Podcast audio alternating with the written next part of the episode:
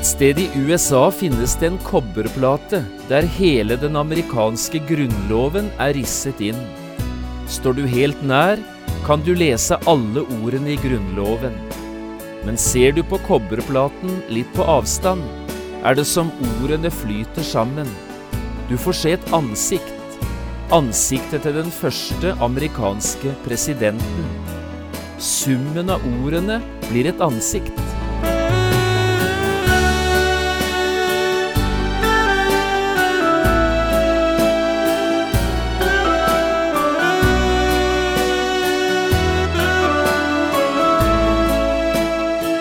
Hjertelig velkommen til et nytt program i serien Vindu mot livet. Programmet er produsert av Kristen Riksradio og blir ledet av Jon Hardang. Denne programserien er produsert med støtte av Mako Fritid, din karavanforhandler.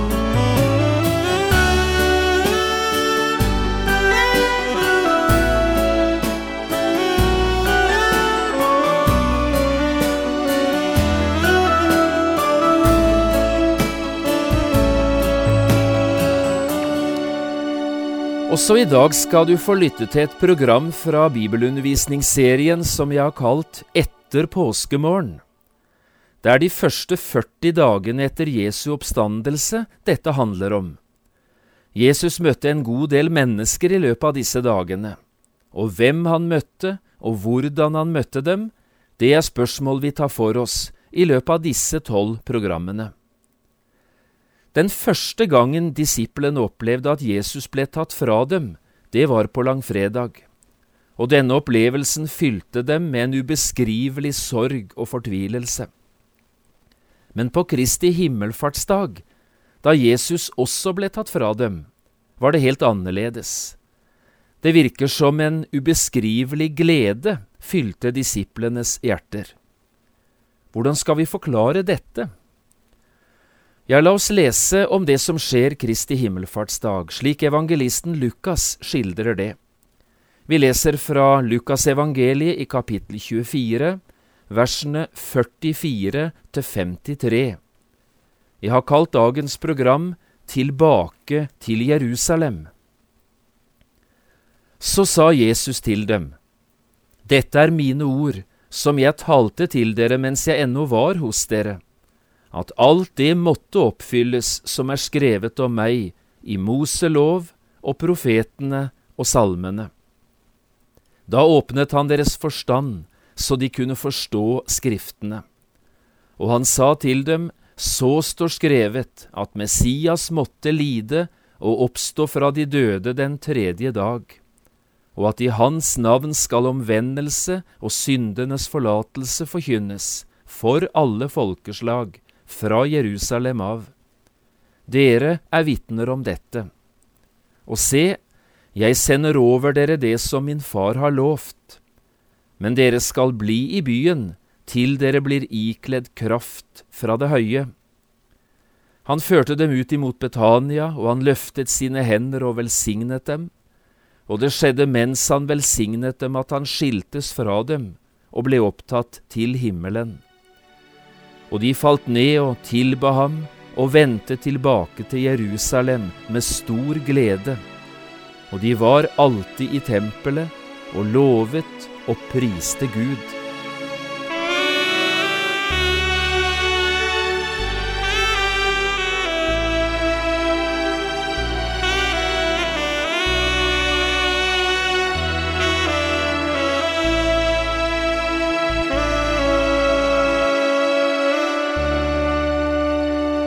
Den store franske generalen Napoleon sa en gang når Kina setter seg i bevegelse, vil det forandre hele verden.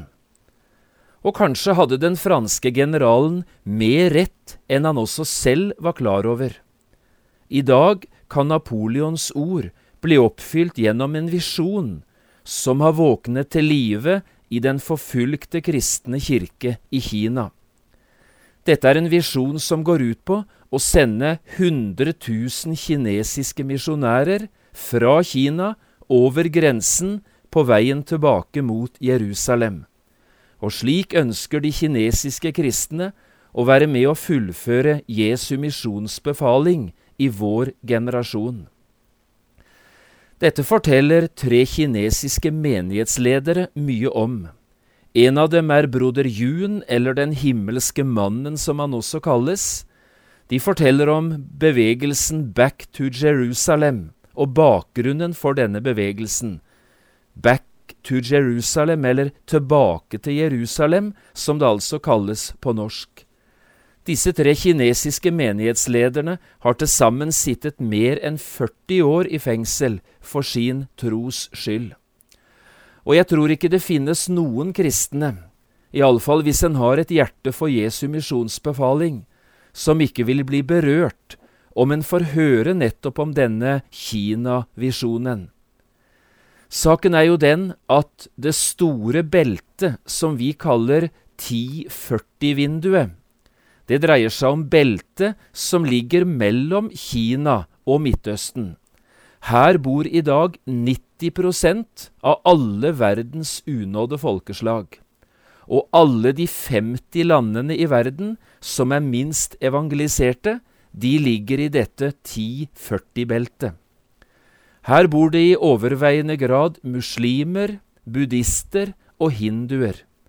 Og det er alle disse menneskene de 100 000 kinesiske kristne ønsker å nå at dette ikke vil kunne skje uten offer, lidelse og martyrium for mange av dem, det er de fullstendig klar over.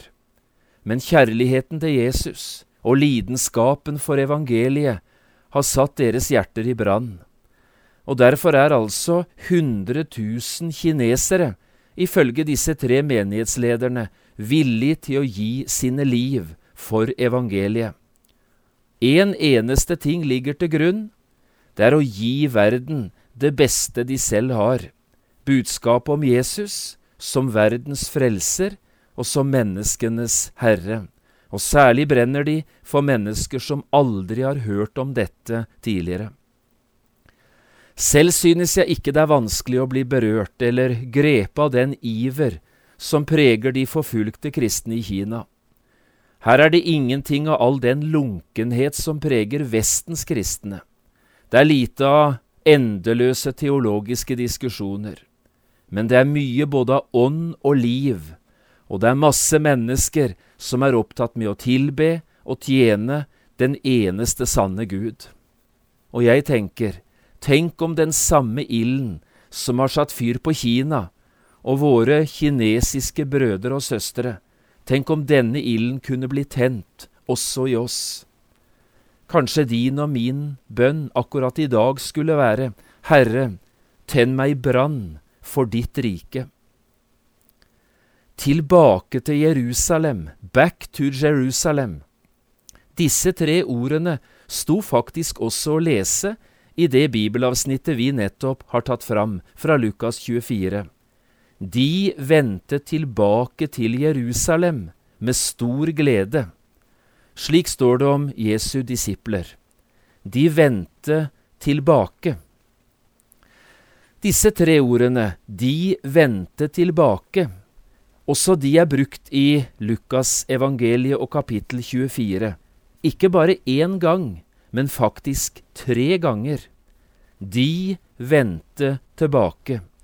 Og hver gang disse tre ordene brukes, ja, så gjelder det mennesker som vendte tilbake, totalt forandret i forhold til hvordan de hadde vært da de kom. Hør på dette. Først står disse tre ordene brukt om kvinnene som kom til Jesu grav tidlig første påskemorgen. De hadde kommet til graven i sorg og dyp fortvilelse, men møtet med den tomme graven hadde forandret alt, og etter å ha hørt englenes ord løper de fra graven med hjerter fylt både av forvirring, men også av håp. Og da de kom tilbake fra graven, skriver Lukas, fortalte de alt dette til de elleve og alle de andre. De vendte tilbake, totalt forandret. Andre gangen er uttrykket brukt om de to disiplene som var på vei til Emmaus. Også det skjedde første påskedag et stykke ut på dagen. De hadde forlatt Jerusalem med hjerter fylt av skuffelse og mismot. Men så hadde de møtt en fremmed, og denne mannen, denne fremmede, hadde ut fra Skriftene i Det gamle testamentet forklart dem. Jo, Messias måtte lide og dø, men han skulle også stå opp igjen den tredje dagen. Det var blitt en underlig reise. Det var som om denne fremmede hadde tatt det med like inn i soloppgangen, og smått om senn begynte det å demre for dem, og plutselig så de det klart, jo, Messias, han måtte være den lidende Messias. Og som om ikke det var nok, da de spiste sammen vel framme i Emmaus, oppdaget de hvem demme fremmede virkelig var. Det var jo Jesus selv.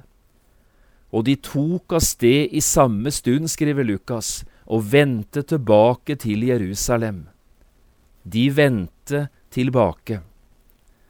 Og så altså tredje gangen i samme kapittelet. Det var historien vi nettopp leste sammen, altså historien om det som skjedde på Kristi himmelfartsdag. Nå var det gått 40 dager siden Jesus hadde oppstått fra de døde. Disiplene hadde møtt han flere ganger, men denne dagen førte han dem ut av byen, opp på Oljeberget, og mens de står her, får de plutselig se hvordan Jesus blir løftet opp til himmelen, rett foran øynene deres. Det var som usynlige hender løftet han opp. Øynene var naglet fast til Jesus.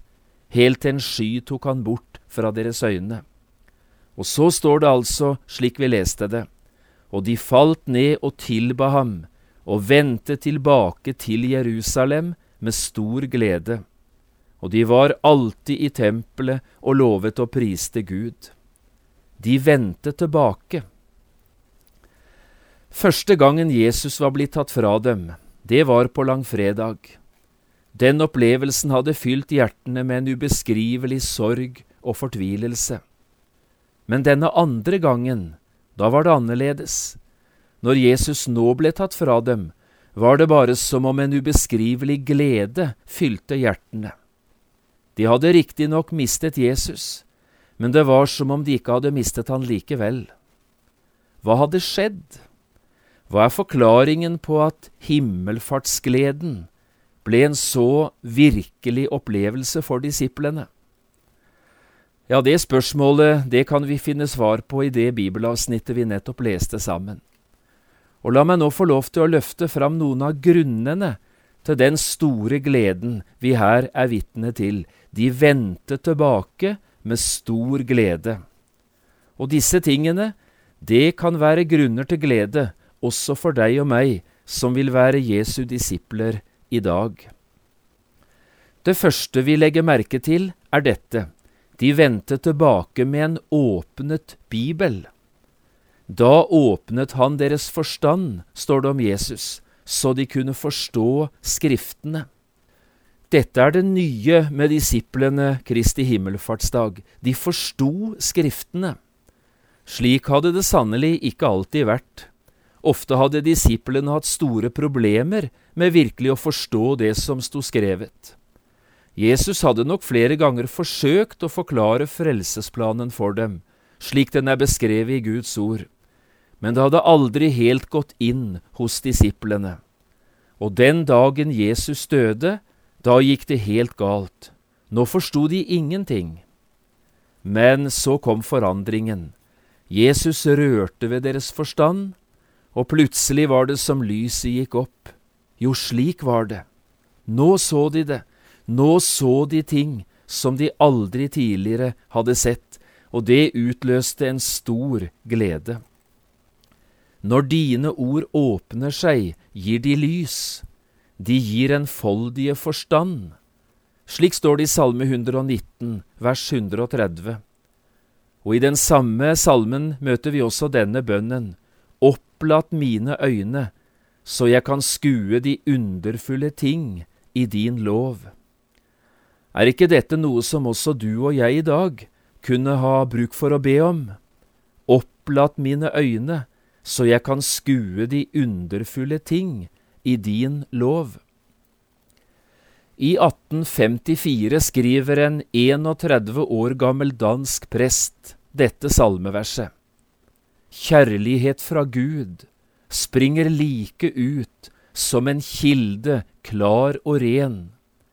I dens stille bunn, i dens dype grunn, gjemmes livets edelsten. Her skriver Jens Nikolai Skjørring, som han hette, denne danske presten, om en edelsten. Og denne edelstenen er å finne i en kilde, den er å finne dypt der nede, hvor den må hentes fram. Og det er akkurat slik forholdet mellom Jesus og Bibelen er. Jesus er den edelstenen som er gjemt i Bibelen, i Guds bok, den store frelsens kilde. Det er i grunn merkelig å tenke på det, men altså, i en alminnelig bok, laget av papir og trykksverte, blant mange ord og lange setninger, i talløse kapitler og iblant merkelige profeter, nettopp her har Gud gjemt livets edelsten. Her ligger evangeliet om Jesus gjemt. Det andre vi legger merke til, er dette. Disiplene vendte tilbake med et nytt syn på Jesus. Og det er jo nesten det vi har sagt allerede. Så står skrevet, leste vi, at Messias måtte lide og oppstå fra de døde den tredje dag. Et sted i USA finnes det en kobberplate der hele den amerikanske grunnloven er risset inn. Står du helt nær kobberplaten, kan du lese hvert eneste ord i Grunnloven, men går du litt tilbake og ser på kobberplaten fra avstand, er det som alle ordene flyter sammen, og i stedet får du se ansiktet til den amerikanske presidenten, den første av dem, George Washington. Summen av alle ordene blir altså et ansikt. Og nettopp slik er det med Bibelen. Summen av ditt ord er sannhet, står det i Salme 119, vers 160. Og på den måten forstår vi hva Jesus mente da han en gang sa Jeg er veien, sannheten og livet. Bibelen er altså ikke bare læresetninger og teorier.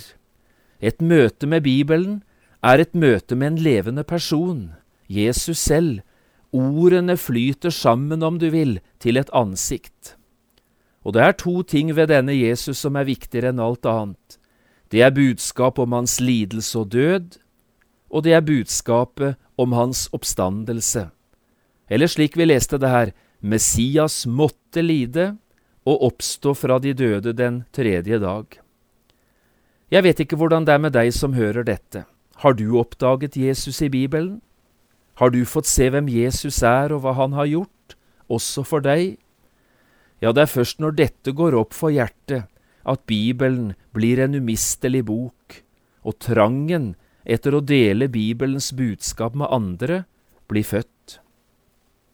Og så det tredje. De vendte tilbake til en stor og rik tjenestegjerning. Jesus er krystallklar når det gjelder hva han ønsker at disiplene skal bruke tiden på etter at han er tatt fra dem. I Hans navn skal omvendelse og syndenes forlatelse forkynnes for alle folkeslag fra Jerusalem av. Slik sier Jesus det, dere er vitner om dette. Det var en enorm oppgave Jesus påla sine venner. De skulle ta evangeliet ut til jordens ender. De skulle sørge for at alle folkeslag fikk høre budskapet om Guds store frelsesverk i Jesus. Tolv alminnelige menn fikk beskjed om å gjøre den jobben. De kunne jo ha mistet motet av mindre, og vi ville ha forstått det om disippelen hadde stivnet i avmakt og i rein forskrekkelse. Men så står det altså i stedet de vendte tilbake til Jerusalem i stor glede, med frimodighet, klare til å gå i gang. Jeg synes nesten det er helt utrolig å lese slike ord. Riktignok hadde Jesus litt tidligere gitt dem en misjonsbefaling, og også gitt dem et løfte om at han selv skulle være med dem, men likevel. Begynn i Jerusalem, sa Jesus. Start hjemme, start i nabolaget, i din egen by. Fortell mennesker hva du selv har sett og hørt, og vær på den måten et vitne. Jo, du kommer helt sikkert til å havne i diskusjoner med menneskene, men det er noe som er viktigere enn å vinne diskusjoner. Det er å vinne mennesker. Og av og til skjer det at vi kan tape en diskusjon og likevel vinne et menneske. Gå av sted, sa Jesus, og jeg skal være med dere. Denne befalingen har Jesus aldri trukket tilbake. Oppdraget, det er uforandret. Og jeg spør, hva er din og min reaksjon på disse ordene? La oss gjøre som disiplene gjorde, vende tilbake i lydighet og med stor glede.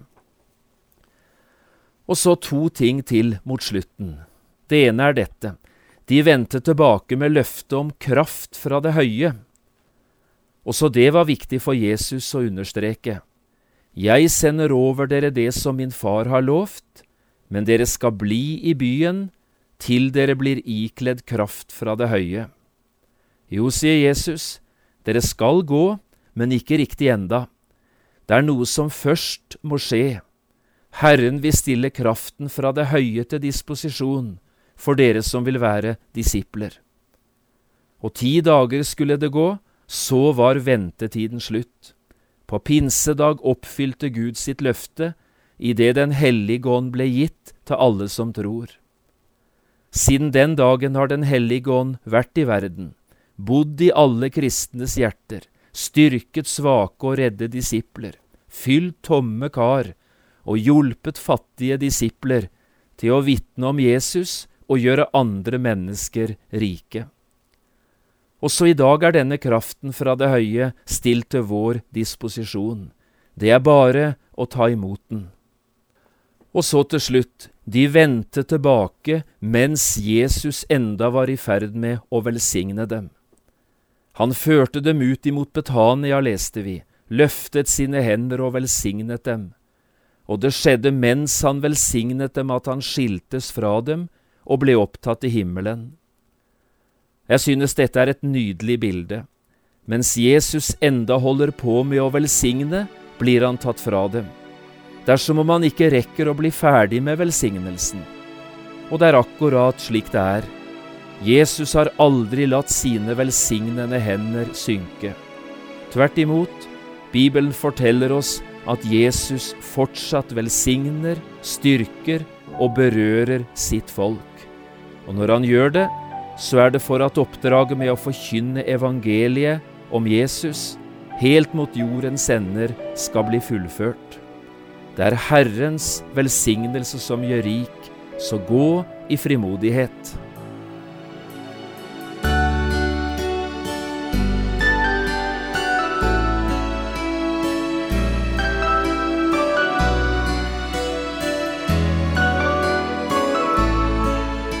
Du har hørt på et program fra serien Vindu mot livet med John Hardang.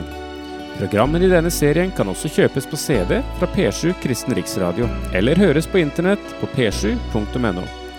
Har du spørsmål eller kommentarer til det du nå har hørt, kan du ta kontakt med oss på telefon. Da bruker du telefonnummer 56 32 17 01. Du kan også sende oss en e-post. Adressen er vml.krøllalfa.p7.no. Takk for i dag, og på gjenhør. you